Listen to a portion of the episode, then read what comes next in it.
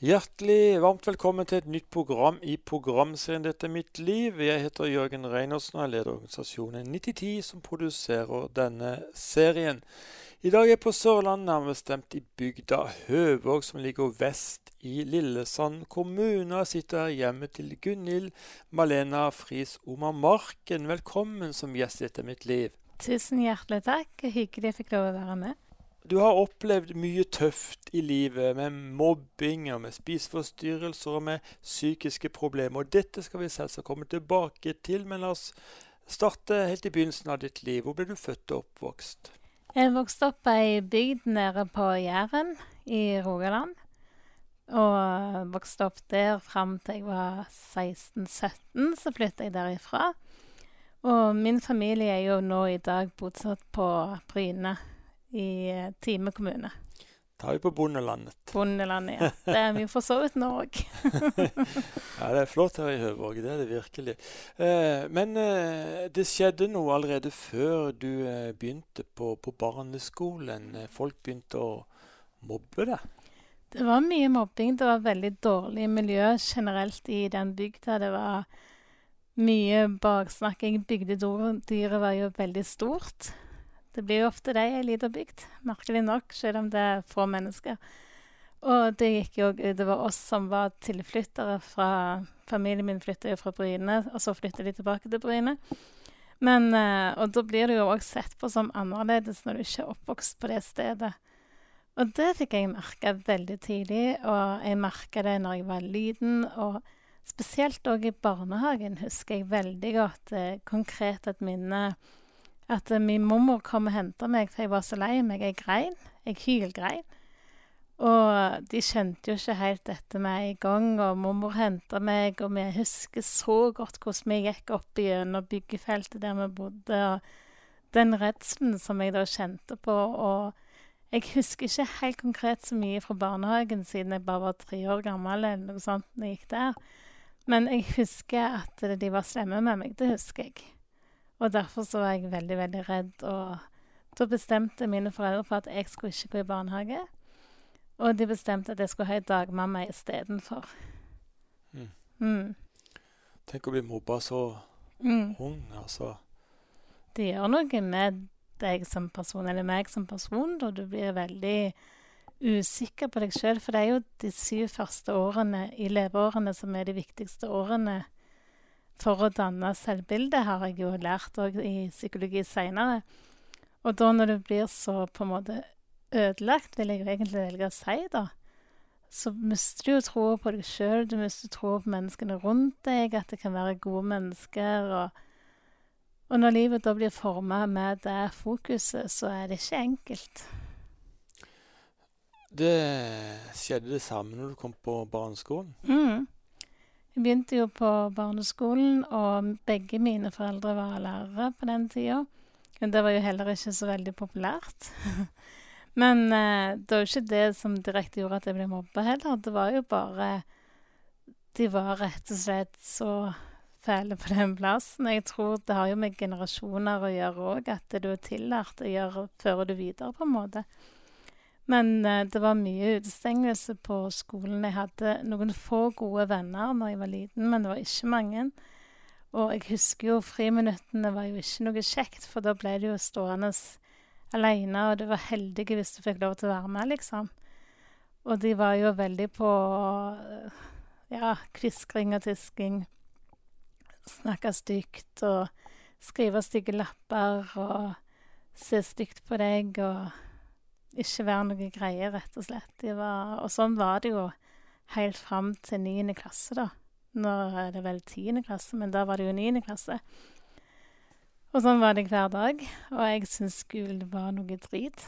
Det var ikke noe kjekt, for å si det sånn. Det var Det òg i gymtimer å bli valgt sist. Du fikk liksom ikke lov til å være med, for du var ikke god nok.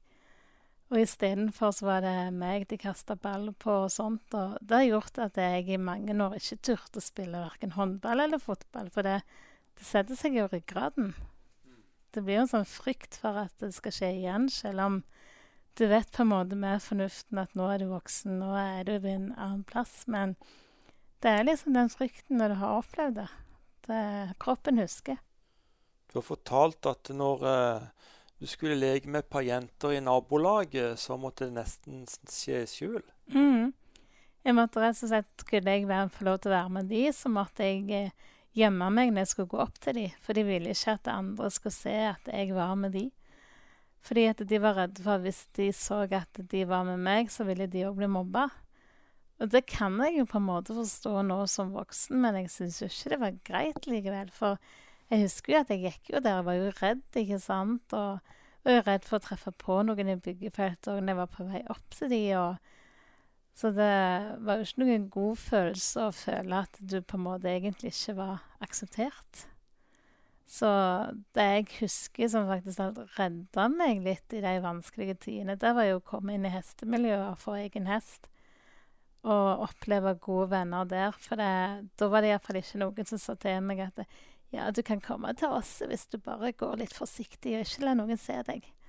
Så da fikk jeg oppleve at folk faktisk da kunne være hyggelige òg. Og det er jeg veldig, veldig glad for den dag i dag, at jeg fikk den muligheten. Men det å oppleve at folk ikke vil være med deg, og òg oppleve det i menighetsmiljøet, oppleve det der du vokste opp, og det gjorde jo til at jeg òg fant ut at det, vil jeg være kristen? Kan kristne mennesker For de som bygde i byggefeltet, de var jo òg kristne. Og jeg tenkte liksom Kan kristne være sånn? Altså, det er jo ikke det Bibelen handler om. Det er ikke det Jesus sier. Jesus sier om nestekjærligheten og bryr seg om hverandre og kjenner liksom at en tar vare på hverandre, da. Og da gjorde det til at i den perioden når jeg òg var med hestene i hestemiljøet, så fjerna jeg meg fra Gud. Fordi jeg kjente at eh, dette sanksjonerer ikke med det jeg har hørt. Og da klarte jeg ikke tro på menneskene eller på Gud. Jeg begynte å tvile, rett og slett. Men eh, det som var viktig for deg også, det var gode familierelasjoner. Ja, det er jeg veldig glad for at vi hadde gode familierelasjoner til foreldrene mine, til søsteren min, til søskenbarn. Altså, vi hadde jo mange turer sammen. Jeg husker jo veldig godt søskenbarnet mitt. Han hadde jo en sånn gammel buss. Og han hadde jo bussertifikatet, så vi kjørte jo rundt, og vi reiste til Dyreparken i lag. og vi hadde mye gode minner òg når vi var hos mine besteforeldre på gården. Jeg er jo vokst opp fra en familiegård.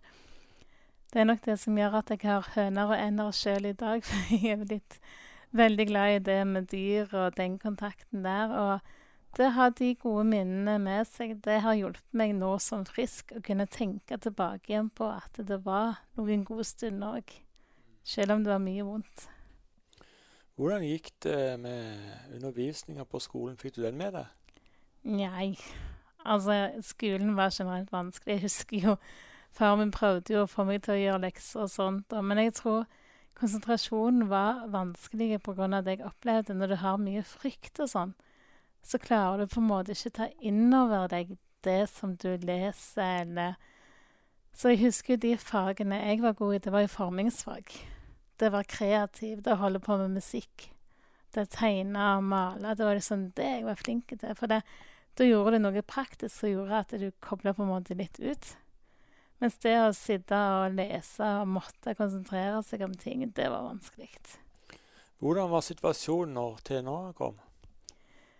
Det var da jeg begynte med ridning. Det var da jeg begynte med hest. Eh, men jeg ble jo mobba på skolen fortsatt. Det gjorde jeg. og hadde jeg ikke hatt den hesten i den perioden, så tror jeg ikke det hadde gått noe særlig bra, altså. Det tror jeg nok redda meg veldig. At jeg kunne drive med sprangridning og fokusere på noe annet som ga meg noe. Og det var med dyr òg. De liksom, dyr er der for deg uansett. Altså, de er ikke sånn som menneskene som kan svikte eller være vanskelige eller snu ryggen eller snakke dritt til deg. De er der bare. Og det syns jeg er så fantastisk med dyr, for de er liksom bare det ble en trygghet for meg. Og hadde jeg ikke hatt den, så jeg tør ikke tenke på hva som hadde skjedd, rett og slett. Um, da du var 12-13 år gammel, så tok du avstand fra Gud? Mm. Jeg gjorde det. Det var da jeg kjente at eh, Som jeg var litt inne på tidligere, dette med at eh, kristne mennesker var så stygge med hverandre. Jeg kunne ikke forstå at det kunne være sånn. Jeg kunne ikke forstå at Gud kunne tillate at de kunne være så slemme med meg. og ødelegge meg sånn som de gjorde, på en måte. Og da tenkte jeg bare ja, men jeg vil ikke ha noe med Gud å gjøre. Han kan gå en annen plass og være For jeg kjente liksom at det, det ble for vanskelig. Det ble for vanskelig å tro. Jeg tvilte. Så jeg tok veldig avstand og rett og slett flykta inn i hestemiljøet. Og til slutt, når jeg var 17 år gammel og var voksen nok nesten til å bestemme sjøl, så valgte jeg å flytte og begynne på folkehøyskole. Jeg trengte en ny begynnelse. Jeg trengte en forandring, for jeg orka ikke det miljøet der jeg vokste opp. Det var for tungt å være i. Og det var en kristen folkehøyskole? Merkelig nok, og det tenkte ikke jeg på. det er helt sant, jeg tenkte ikke på det. Jeg ville egentlig bare vekk. Jeg. Det var litt sånn samme søre nesten hvor du havna, på en måte. Og da ble det da rett og slett eh, folkehøyskole på Moi. For det var den plassen de hadde dramalinje, og da hadde jeg kjempelyst til å gjøre noe ut av. For jeg syns jo skuespill og drama og musikk og alt det her er jo så gøy å holde på med. Så da fant jeg ut at vi prøver det. Eh, jeg tror nok foreldrene mine var litt skeptiske, for de var nok ikke helt klar for å slippe meg, for de var jo veldig glad i å ha meg hjemme. Og det skjønner jeg jo veldig godt, for jeg var jo veldig glad i de sjøl òg. Så det var jo ikke pga. de jeg flytta, på ingen måte. Det var jo rett og slett bare miljøet ble for tøft for meg. Og jeg er veldig glad for at jeg tok det valget. For da jeg kom der, så opplevde jeg jo plutselig å få venner. Sånn som jeg òg hadde opplevd i hestemiljøet. Jeg opplevde for venner og kjente at det fins gode folk der ute. Men så husker jeg jo de hadde jo kristendomsundervisning. det var jo ikke jeg så veldig begeistra for. For det at uh, når du hadde på med det fokuset at kristne er jo slemme, fæle, stygge personer, ikke sant, så tenker du at uh, da skal jeg iallfall ikke høre på kristendomsundervisning. Ikke tale om så meg og venninna, vi hadde nok litt de samme opplevelsene. Uh, hun har jeg fremdeles kontakt med i dag. Uh, og vi likte jo ikke disse timene, så vi bølla jo, eller så gikk vi, eller liksom Vi var ikke interessert i en plass i å følge med. Men så merker jeg jo likevel at Gud tror i meg. Det var jo det som var litt merkelig i det hele, liksom, for der sa jeg bare Nei, nei, nei, dette vil ikke jeg høre på. Men så kjenner du bare at Gud likevel legger en lengsel i hjertet. Og i løpet av det året så kjente jeg at eh, nei, jeg vil tilbake igjen til Gud. Jeg vil ha min billett til himmelen. Jeg vil vite at jeg kommer til himmelen den dagen jeg dør. Jeg tar ikke sjansen på å gamle med dette. Og jeg ønsker veldig å få et fokus på å være en kristen som bryr seg om andre, som hjelper andre, som har nestekjærligheten. Og jeg tenkte OK, kunne ikke de i barndommen og ungdomsskolen vise meg det, så må jeg vise det til andre. Og da spurte jeg hun læreren min og sa at jeg har lyst til å bli kristen. Kan du be frelsesbønn med meg? Mm. Og det gjorde vi helt på slutten av folkehøyskoleåret. Fantastisk. Mm. Kjære lytter, du hører på programserien 'Dette er mitt liv'. Mitt navn er Jørgen Reinertsen og er i dag i Høvåg og møter Gunhild eh, Malena Friis Omarmarken. Og Gunhild Malena, du ble mye mobba, og så kom du på folkehøgskolen, og der ba du Jesus inn i ditt hjerte. Mm. Eh, kjente du på en fred? Jeg gjorde jo det. Altså, det jeg nok kjente mest på, for det var nok litt den òg vissheten om at uh, nå, nå, har jeg min plass i himmelen. For jeg tror jeg hadde veldig frykt for å ikke komme til himmelen. Og da fikk jeg den freden at nå har jeg tatt imot Jesus, og nå vet jeg hvor jeg kommer den dagen jeg dør. Og det var nok en god fred for meg der og da. Eh, og så fikk jeg jo større opplevelser seinere, men det som nok ikke gjorde at jeg fikk den store opplevelsen med en gang, var jo at eh, symptomene mine begynte å blomstre etter alt jeg hadde opplevd på barne- og ungdomsskolen som jeg ikke hadde fått noe hjelp med, eller noe sånt. Det var ikke bearbeida? Nei. Nei. Det var rett og slett ikke bearbeida. Jeg hadde bare flykta ifra det, på en måte. Mm. Hva begynte å skje i kroppen din? Altså, jeg begynte å slite rett og slett med spiseforstyrrelser og anoreksi. For jeg følte jo på det de hadde sagt, at jeg var stygg, at jeg ikke passet inn, at jeg ikke var verdt å elske, ikke sant, og at ingen liker deg, og alt dette her. Og da følte jeg at OK, for å bli likt, så kanskje jeg må bli tynn, da. kanskje det kan være mitt svar for å bli likt, at bare jeg blir tynn nok, så blir jeg likt. Og i tillegg med å bli tynn, så blir man òg litt mer usynlig, tenkte jo jeg, da. Men det blir jo ikke det, det blir det motsatte.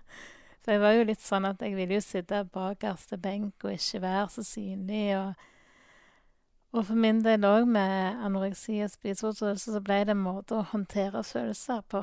Så det ble en kombinasjon rett og slett av å ønske å bli tynn, at man Og det er jo så rart, egentlig, for når jeg ser tilbake på bilder av meg som barn Jeg var jo syltynn. Så hvorfor skulle jeg egentlig bli tynnere? Men det ble på en måte et feil speilbilde jeg fikk, da. At jeg trodde det så ut som en flodhest når jeg ikke gjorde det. Det gikk skikkelig galt også? Gjorde det. Du var 20 kilo undervektig? Mm. Det var jeg i mange år. Og så hadde jeg òg underveis noen bedre perioder. Men det var ikke så mange år de bedre periodene var. Det var det ikke. Så det er jo ganske sprøtt at eh, jeg sitter her i dag, egentlig. Til slutt så var det en venninne som tok eh, affære. Tok deg med til legen. Mm. For uh, først når jeg hadde gått på folkehøyskole, så gikk jeg jo tre år på videregående. På en kristen videregående skole. Og der blomstrer det skikkelig opp i de tre åra der. Jeg ble jo tynnere og tynnere. Og så kom jeg jo på bibelskole i Kristiansand, på Ansgarskolen. Og da var det som du sier, venninna som tok affære og så at jeg ikke hadde det bra. Jeg måtte jo få noe hjelp. Og hun fikk meg ned på akutten mot min vilje. Jeg hadde jo ikke lyst til å bli innlagt. Jeg visste jo ikke hva det var engang. Jeg hadde ikke peiling på psykiatri. Ingenting annet enn det jeg hadde lest i helsefagbøkene. Så jeg syntes jo dette var veldig, veldig skummelt. Men hun fikk meg inn der, og så var jeg der da i to uker på den akutte. Det er egentlig ganske lenge til å være på en akuttavdeling, for det, de som er der lengst, det er jo gjerne de som er alvorlig psykose, leder på tvang eller sånne tilfeller, liksom. Så jeg var først der, og jeg dro rett og slett hjem en periode til mine foreldre, for jeg trengte å være hos de, og de ville ha meg hjemme og passe på meg. Og da fikk jeg jo en del hjelp av psykolog, og òg faktisk av, av musikkterapi. Og det med musikkterapi for meg, det ble en veldig god måte å få kontakt med følelsene når jeg sang. Og det er noe jeg faktisk har tatt med meg den dag i dag. Når jeg synger, så tenker jeg alltid med følelsene mine. Altså, jeg synger med følelser, for det, det er så viktig å formidle musikk på den måten, og det hjalp meg jo veldig godt der og da. Så etter den hjelpa så hadde jeg noen gode år. Jeg hadde jo litt hjelp underveis, men jeg klarte iallfall å studere. Jeg studerte jo bachelor i musikk og bachelor i teologi. Og så tok jeg eh, Det gjorde jeg i Kristiansand, og så tok jeg sosialpedagogikk i Sandnes. Så den hjelpa gjorde nok at jeg klarte å holde hodet litt over vannet og jeg var jo så himla sta òg, for jeg ville jo ikke ha for mye hjelp heller. Så de måtte jo nesten tvinge meg litt sånn til å snakke med en psykolog og lege og sånt. Og så jeg gjorde jo det, men det var jo ikke noe jeg hadde lyst til. Jeg følte liksom ikke at det hjalp meg noe særlig. Så den tøffe kneika for meg kom jo da min far døde. Det var jo da det ble veldig tøft. Da klarte jeg ikke å holde hodet over vannet lenger. Det For jeg hadde jo veldig nært forhold til min far. Han var jo min beste venn og min pappa og mitt store forbilde og alt, liksom. Og når han da ble syk og døde, så forsvant jo en veldig viktig person i mitt liv. Og da ble det jo litt sånn Hvem skal jeg nå gå til? Hvem skal jeg nå spørre? Hvem skal jeg nå, liksom? Ikke sant? Og så tenkte jeg òg mye på, i forhold til troen òg, at eh, hvordan kunne Gud ta ifra meg min viktigste person? Det ble rett og slett veldig eh, tvilende spørsmål igjen, på en måte.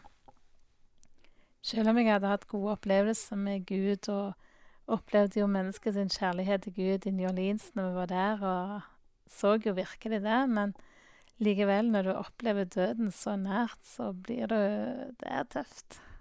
Det er det. Ja, hva skjedde etterpå? Det som skjedde etterpå, som jeg er veldig glad for i dag, er at jeg fikk reist til Israel. Det var en helt fantastisk opplevelse å få lov til å gå de plassene som Jesus har gått. Det ble så nært. Det ble akkurat som at himmelen kom ned, på en måte. Jeg husker den atmosfæren der i, i landet og, og områdene. Og jeg husker òg de som vi reiste med, var jo noen fantastiske personer. Og et eldre ektepar og meg, vi gikk jo ned og hadde nattebad i Genesaretsjøen. Det var jo egentlig ikke lov, men vi sneik oss ut fordi de var så gira på dette her, og det var jo jeg òg, så det var bare så mange gode opplevelser der. Og det gjorde nok at det reddet troen min der og da. Fordi når du opplever å miste noe som betyr så mye for deg, så var det hvordan jeg trengte å reise ned dit for at Gud ville vise meg konkret at jeg lever. Jeg er ikke død, jeg lever, og jeg vil være din far. Jeg vil være den som tar meg av deg nå. Og det var veldig godt for meg å oppleve, og virkelig trosstyrkende. Ja, fantastisk. Mm. Um, problemene med anoreksi ble en periode større og større, og til slutt så ønska du å å avslutte livet? Mm. Det ønsker jeg, for det, jeg reiste jo etter jeg hadde vært i Israel, så reiste jeg til Oslo. Bodde jo der i noen år og studerte litt diakoni, for det, jeg hadde jo en veldig stor brann i hjertet til å kunne hjelpe andre mennesker som har det vanskelig. Men så er det jo litt sånn når du har det vanskelig sjøl, så er det ikke så lett å hjelpe andre. Du må jo få det bra med deg sjøl for å kunne være der for andre.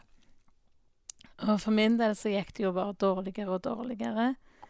Og jeg tror nok jeg ble skikkelig, skikkelig innhenta med alt som hadde skjedd i barndommen, som jeg på en måte hadde prøvd å skyve litt vekk, da. Eh, når far døde, så blomstra jo alt opp igjen, på en måte, og anoreksien blomstra jo opp igjen, jeg ble jo undervektig igjen, og eh, de ville jo at jeg skulle få hjelp, men jeg ville jo ikke ha hjelp da var jeg jo veldig sta i den perioden, selv om lærere prøvde å si til meg ja, men du må få noe hjelp, du er for tynn, du må ha hjelp. Og jeg bare nei, jeg skal ikke ha hjelp. Og så var jeg rett og slett så langt nede at jeg kjente nå orker jeg ikke leve mer. Og jeg var så himmellengtende, selv om en vet jo ikke helt utfallet av å ta et så drastisk valg. Det er det jo ingen som vet. Heldigvis, egentlig. Men eh, da var jeg så langt nede at jeg bare tok rett og slett en overdose og våkna opp og skjønte ingenting. For jeg skulle ikke våkne opp igjen. Så jeg tror nok Gud ikke hadde min tid klar der og da. Det var nok ikke meningen med at jeg skulle dø der og da. Selv om legene sa at det var ganske alvorlig, det jeg hadde gjort. Og det var nesten et under at det gikk så bra med de mengdene jeg hadde tatt. Men jeg ble iallfall fall Dagen etterpå så skjønte hun ene læreren min at noe hadde skjedd. Og hun fikk meg til lege, og det var rett inn på sykehuset, og Det var ikke noe behagelig opplevelse, for å si det sånn. Jeg tror ikke jeg skal gå så mye inn i detaljer på det, men jeg ble iallfall redda. Og da begynte jo prosessen med å få hjelp. Det er rart. Mange ganger så må man så langt ned før mm. man kan ta imot hjelp.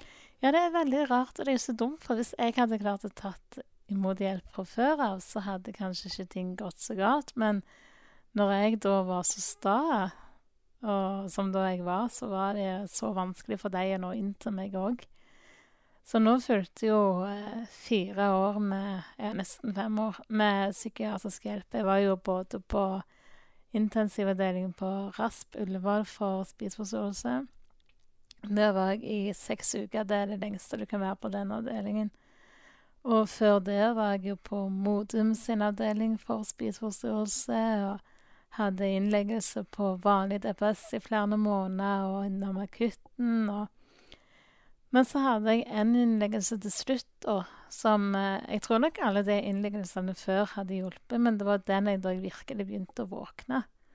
Da jeg virkelig begynte å skjønne at eh, jeg kan styre følelsene mine. Jeg trodde jo at styr, følelsene styrte meg, at jeg ikke hadde noe valg. Jeg måtte bare liksom la angsten og anoreksien, eller styggen bryggen, som jeg kalte det for, liksom bare drive meg, på en måte.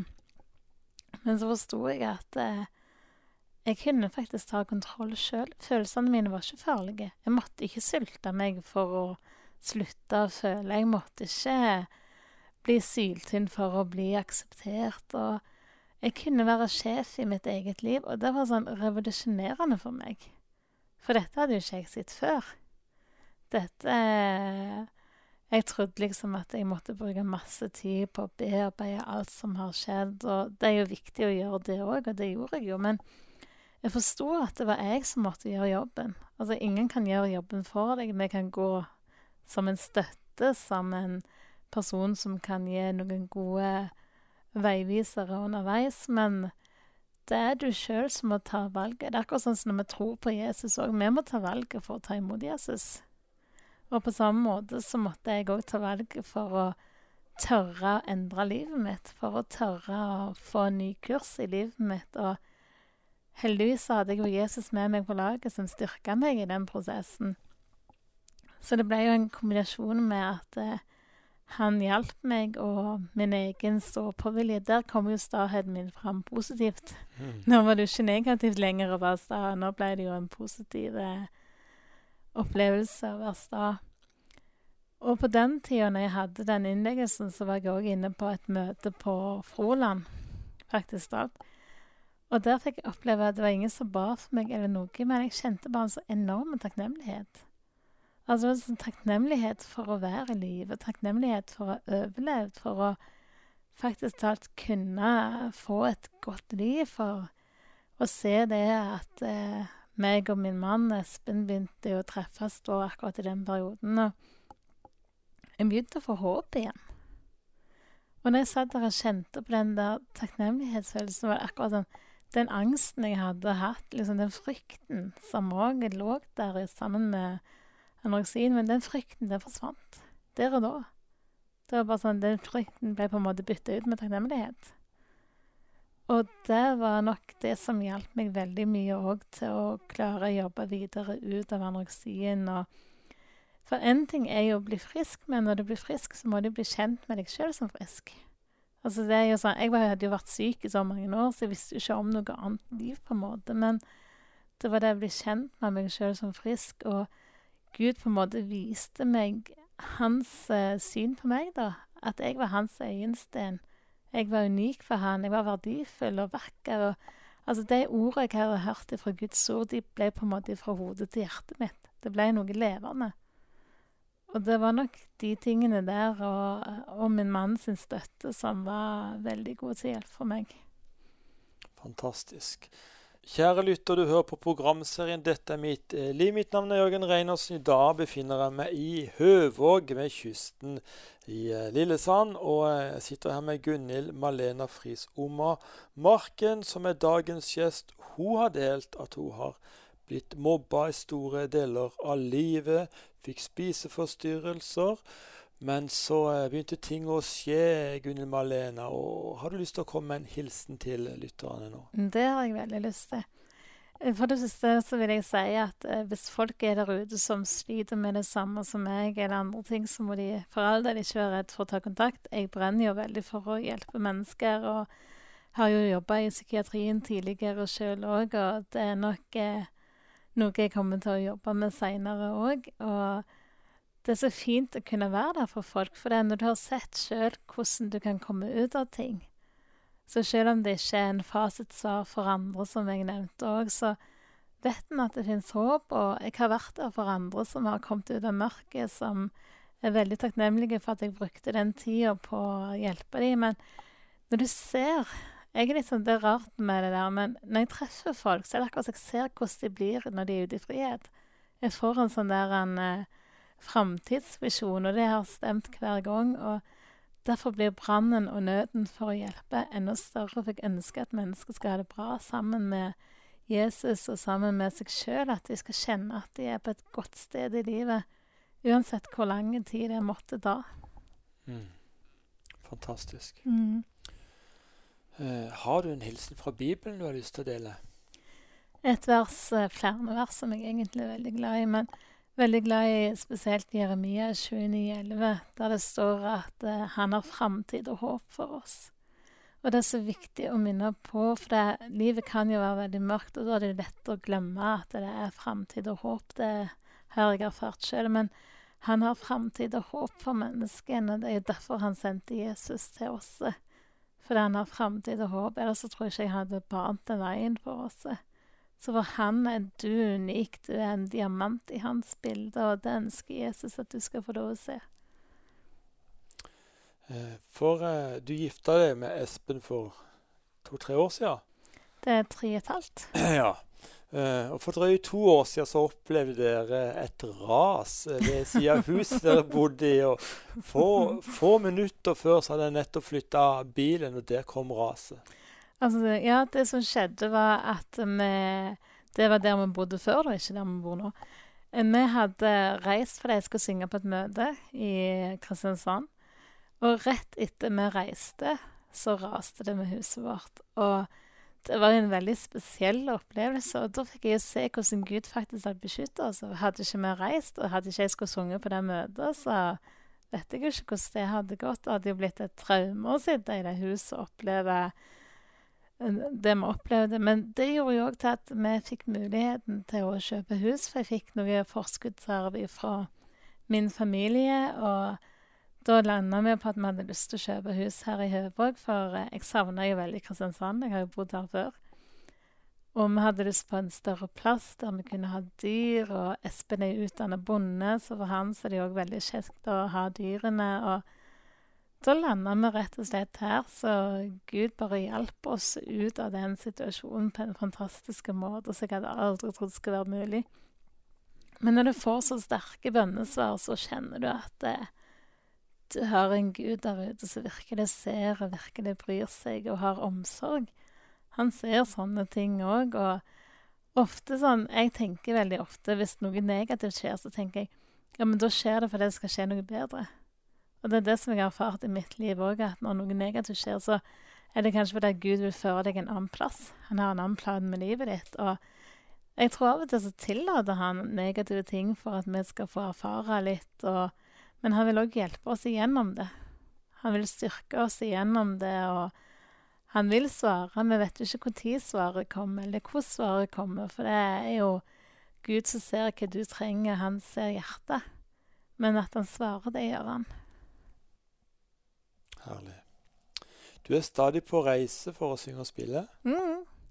Det er jo utrolig moro å få lov til å reise rundt for Jesus. Det er jo fantastisk. og og så er det så gøy å se at det blir mer og mer oppdrag. Det er mer og mer ting som skjer, og du får bygd litt stein for stein. Og måten Jesus bare leder på, det er det beste. Når han leder og fører an, det er jo da det er fantastisk å gå og vandre sammen med han. og det er jo det jeg brenner som for òg når jeg reiser rundt. Det er jo det å formidle gjennom sang og musikk at det finnes håp. Det finnes eh, en Gud som er større enn alt, som virkelig Tenk på det, har telt hvert hårstrå på vårt hode, vet han. Jeg har jo ikke peiling sjøl på hvor mange hår jeg har på hodet. Men eh, han ser oss, og han kjenner oss best. Og jeg tror ofte òg at det er derfor han svarer på den måten han gjør òg. Jeg tenker på mange av de bønnene jeg har bedt. Jeg er veldig glad for at det ikke skjedde. For det er det som har skjedd, har vært så mye bedre. Og da er det fantastisk å kunne reise rundt og fortelle om Jesus og synge om han. Og da er din mann Espen med som både som tekniker og som forbeder. Det er han. Og det er jo fantastisk å kunne være et team når du reiser, ikke reise rundt alene. Det er jo en veldig støtte for min del òg, for da står en mer stødig sammen og kan be sammen og kan støtte mennesker sammen. og det syns jeg er veldig, veldig fint at Gud har gjort det sånn at vi har fått tjeneste sammen. Og at vi har òg eh, et pastorpar i Stavanger som står bak oss når vi er rundt. Det er veldig velsignelse. Mm, fantastisk. Vi nærmer oss dessverre slutten av dette programmet. Gunn Malena, kan du tenke deg å be en bønn for lytterne til slutt? Det vil jeg veldig gjerne gjøre. Kjære far, du ser de som sitter hører på Jesus. Du ser hver enkelt. Du ser hvilken situasjon de befinner seg i. Du ser hvilken bakgrunn du har, du ser hvilken lidelse de har, du ser alt, Jesus. Men far, jeg bare ber om at du skal berøre hver og en enkelt, Jesus. Kom med din kjærlighet, kom med din fred. La de få kjenne at de er elska av deg, Jesus, at din kjærlighet skal nå hjertene deres. Og far, hvis det er mennesker som ikke tror på deg, Jesus, så ber jeg at de skal bare kjenne at de får en lengsel etter å tro på deg, Jesus At de får en lengsel etter å være sammen med deg. At det er ingenting er umulig, Jesus. Du kan vende hver en situasjon for. Du kan hjelpe hver en som sitter der ute, Jesus. Takker deg for at du har omsorg for dem, far. Takker deg for at du er med hver enkelt, Jesus. Og kom og berør deg, Jesus. La de kjenne at du er nær. La de kjenne at de kan få sitte på ditt fang, Jesus, og være i din nærhet, i din omsorg. Kom og svar på alle bønnene de har bedt, Jesus. Takker deg for at du vil være med, Jesus, være med dem hver en dag. Og være med Jørgen, og være med kanalen og programmene, Jesus. Jeg takker deg for at du vil velsigne og styrke Jesu navn. Amen. Gunhild Malena, Frisommermarken. Her var det gripende å høre fra ditt liv. Takk for din åpenhet. og Hjertelig takk for at du takker ja til å være gjest i dette programmet. Må Gud rikelig velsigne deg, din familie og ditt virke i årene fremover. Kjære lytter, om du opplever livet som vanskelig, så håper jeg at det som Gunhild Malena nå har delt så åpenhjertelig om, har gitt deg håp. Det finnes en vei for deg også. Det er viktig at du oppsøker hjelp, og at du kommer inn på Guds vei med ditt liv. Gud har ikke lovet noen av oss en enkel eller en problemfri vei. Men det siste Jesus ble sitert på i Matteusevangeliet, var følgende. Og glem aldri, jeg er med dere alle dager, helt til verdens ende. I en engelsk oversettelse står det Jeg er ved siden av dere alle dager. Uansett hvor tøft kampene måtte bli, uansett hvor mye det måtte blåse rundt deg i livets stormer, så har Jesus lovet å være med. Om du som lytter i dag ønsker å ta et valg om å invitere Jesus inn i ditt hjerte, kan du be denne bønnen etter meg. Jesus, jeg kommer til deg nå slik som jeg er. Tilgi meg for mine synder. Jeg tar imot deg som min Herre og Frelser i livet. Takk at jeg nå er et Guds barn. Vi vil svært gjerne komme i kontakt med deg som ba denne bønnen, slik at vi kan sende en gratis bokpakke. Du finner meg, Jørgen Reinersen, på Facebook, eller du kan gå inn på vår hjemmeside 9010.no for å finne kontaktinfo. Dette staves slik nitti10.no no. Her er også flere tidligere episoder i denne programserien som heter Dette er mitt liv. Det ligger også ute en del videoer fra våre arrangementer som har foregått i møtelokaler, i kulturhus eller ute på gata. La meg til slutt oppmuntre deg som er en troende, til å være frimodig med ditt vitnesbyrd. Vær frimodig med det Gud har gjort i ditt liv. De færreste av oss har en så dramatisk historie som Gunhild Malena har. Men alle vi troende har på ulikt vis fått erfare Guds nåde, trofasthet og kjærlighet i løpet av livet. Og vi er kalt til å være et lys i en mørk og vond verden. Så la oss våge å vise hvem vi tror på, La oss vise menneskene rundt oss Guds kjærlighet, og la oss rekke ut hånda til dem som sliter og opplever livet som utfordrende. Håper vi høres igjen neste uke, da vi er igjen på denne kanalen med en ny gjest som deler sin unike livshistorie. Husk at du er høyt elsket, du er unik, det finnes bare én som deg. Vi takker for i dag og ønsker deg, kjære lytter, det beste av alt Guds velsignelse.